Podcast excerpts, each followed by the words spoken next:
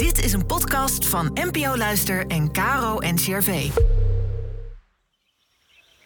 Welkom bij de Kloostercast, de podcast met antwoorden op alledaagse levensvragen vanuit de kloostertraditie. Inspiratie voor je dag.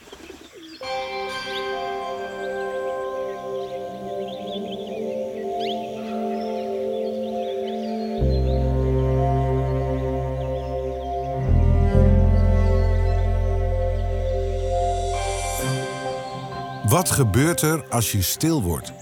Het antwoord komt van Rebecca Brown, abdis van het Clarisseklooster Sint-Josefsberg in Megen. Ook wel Assisi aan de Maas genoemd. Ze leeft vanuit de Franciscaanse spiritualiteit.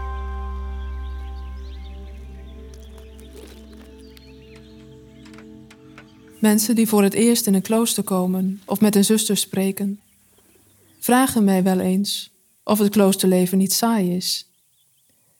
Ik moet dan oppassen om zo iemand niet aan het schrikken te maken door meteen al te uitbundig in de lach te schieten. Het kloosterleven saai? De gedachte zou zelfs niet in me opkomen. Ze denken dan waarschijnlijk aan dingen als dag in, dag uit, jaar in, jaar uit, dezelfde dagorde en gebedstijden, dezelfde kleren aan, dezelfde mensen om je heen, en aan de stilte. Geen radio aan onder het werken Eigenlijk maar twee gespreksmomenten op de dag.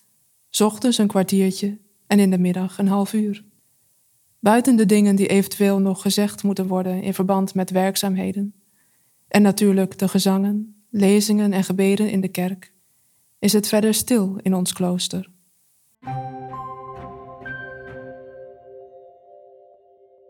Als je gewend bent aan voortdurende afleiding en verstrooiing door gesprekken, muziek, sociale media en al die andere prikkels, dan kan de stilte zowel iets aanlokkelijks als iets afschrikwekkends hebben.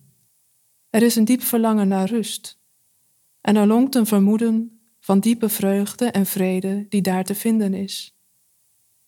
Maar tegelijk is er grote huiver om daadwerkelijk die leegte binnen te stappen, omdat die nu eenmaal zo leeg is. Misschien angstaanjagend, huiveringwekkend of toch ook aantrekkelijk, maar in ieder geval niet saai. Als er dan toch een gedachte in je opkomt dat de stilte saai zou zijn, dan is dat toch vooral een verhaal dat je jezelf vertelt, als goed excuus om weer afleiding te gaan zoeken. Als je het aandurft er binnen te gaan, merk je dat er in de stilte ontzettend veel gebeurt. Zelf heb ik het ooit zo verwoord. De stilte is niet stil, maar zit zo boordevol met woorden. Dat zijn dan enerzijds woorden die ik als lawaai benoem, gedachten aan wat is gebeurd of nog moet gebeuren, woorden die ik heb gesproken of waarvan ik vind dat ik ze beter anders had kunnen zeggen. Er kunnen zich hele gesprekken afspelen in mijn hoofd, met mezelf of met anderen.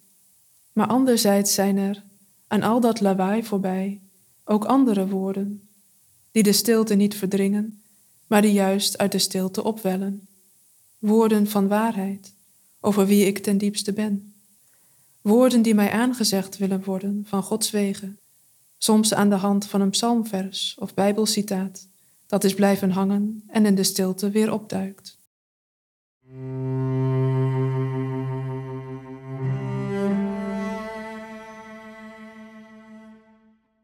In de stilte gebeurt heel veel.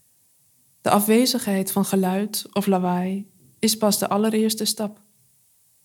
Daarna ga je merken dat het in de stilte veel meer nog dan om een afwezigheid, om een aanwezigheid gaat.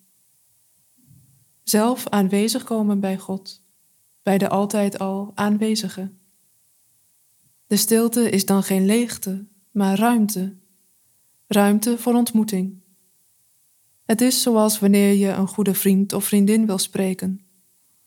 Je gaat ervoor zitten of je gaat samen wandelen. In ieder geval schep je ruimte voor elkaar en voor de ontmoeting. Je kijkt elkaar aan, komt bij elkaar present, zoals je nu op dit moment bent. De ontmoeting met de ander is daarmee tegelijk ook ontmoeting met jezelf. In de ontmoeting leer je jezelf kennen en word je ook steeds meer jezelf. Zo gaat dat ook, en bij uitstek, in de stille ontmoeting met God. Je wordt aangekeken met een blik van onvoorwaardelijke liefde, waarin je vrij mag komen als de mens die je ten diepste bent.